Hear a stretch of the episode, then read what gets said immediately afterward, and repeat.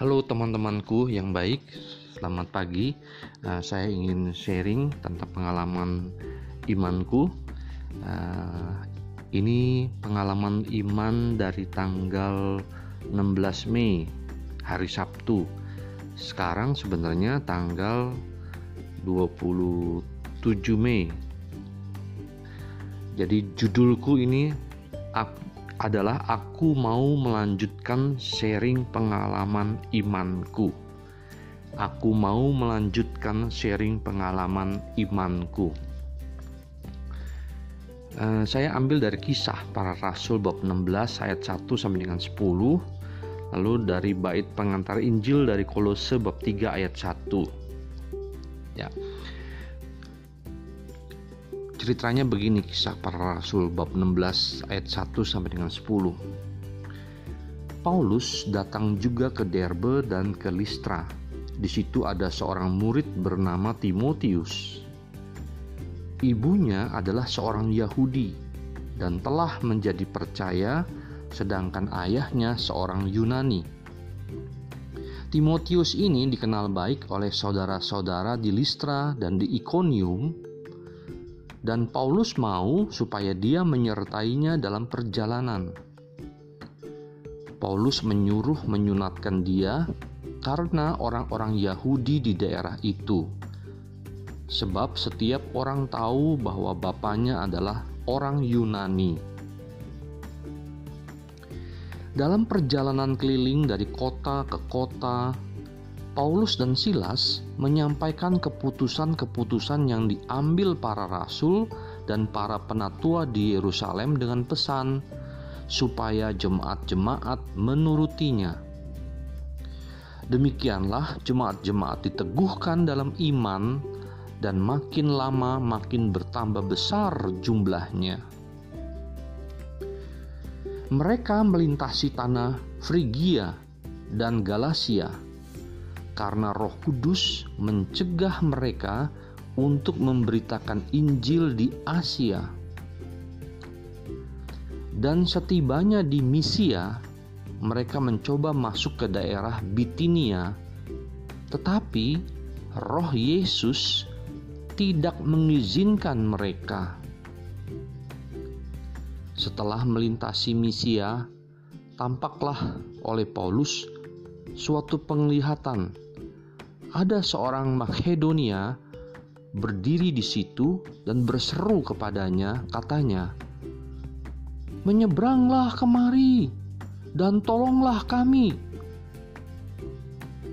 Setelah Paulus melihat penglihatan itu, segeralah kami mencari kesempatan untuk berangkat ke Makedonia. Karena dari penglihatan itu, kami menarik kesimpulan bahwa Allah telah memanggil kami untuk memberitakan Injil kepada orang-orang di sana. Demikianlah sabda Tuhan. Ya, menarik bukan?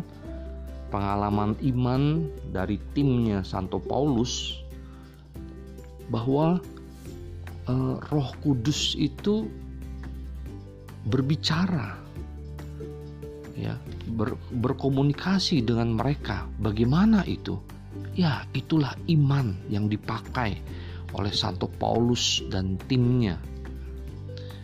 Sehingga mereka dibimbing oleh Roh Kudus ya, oleh Roh Yesus. Langkah-langkahnya, jangan kamu ke Bitinia, jangan ke Asia, tetapi kamu ke yang lain, gitu. Ya jadi dari Troas dia pergi ke Makedonia ya dari penglihatan. Diajak ke Makedonia. Dan mereka menarik kesimpulan dia bilang bahwa Allah telah memanggil kami untuk memberitakan Injil kepada orang-orang di sana.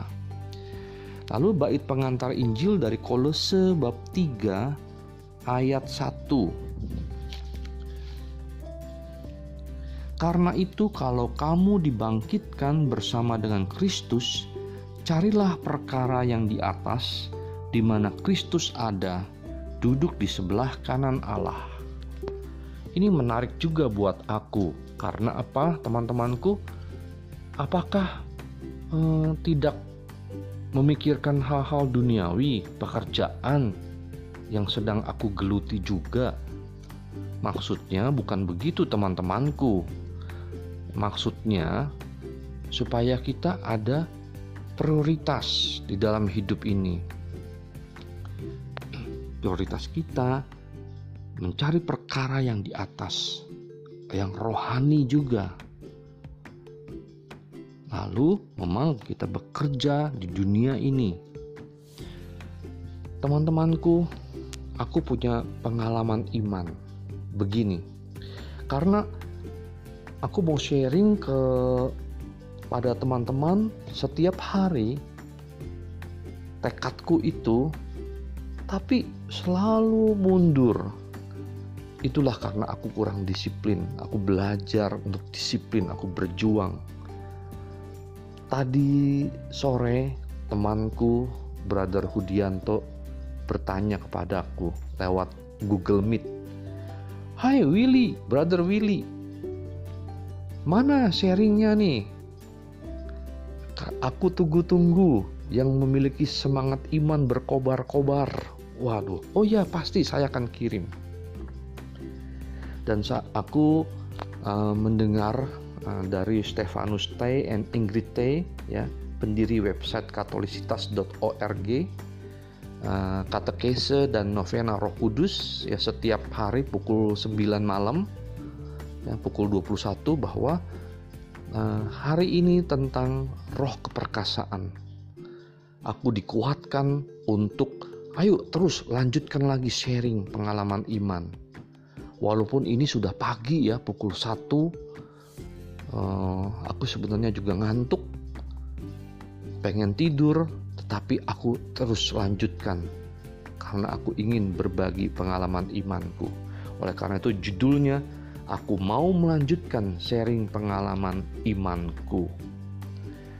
Jadi aku percaya Roh Kudus juga uh, mengajak aku melalui pengajaran dari uh, Stefanus T and Ingrid T ya katekese dan novena Roh Kudus tentang roh keperkasaan. Aku dikuatkan ya. Aku diajak untuk ayo terus lanjutkan demikianlah teman-temanku bahwa kita memakai anugerah Tuhan Yesus itu yaitu imanku iman teman-teman juga supaya selalu dibimbing oleh Roh Kudus seperti teladan Santo Paulus dan timnya eh, eh, umat perdana ya umat Kristen perdana eh, untuk selalu sesuai dengan kehendaknya melangkah ya mewartakan kabar baik Tuhan Yesus. Oke, teman-temanku selamat pagi, selamat bekerja dengan penuh iman, harapan dan cinta kasih yang berkobar-kobar untuk Tuhan dan sesama. Bye.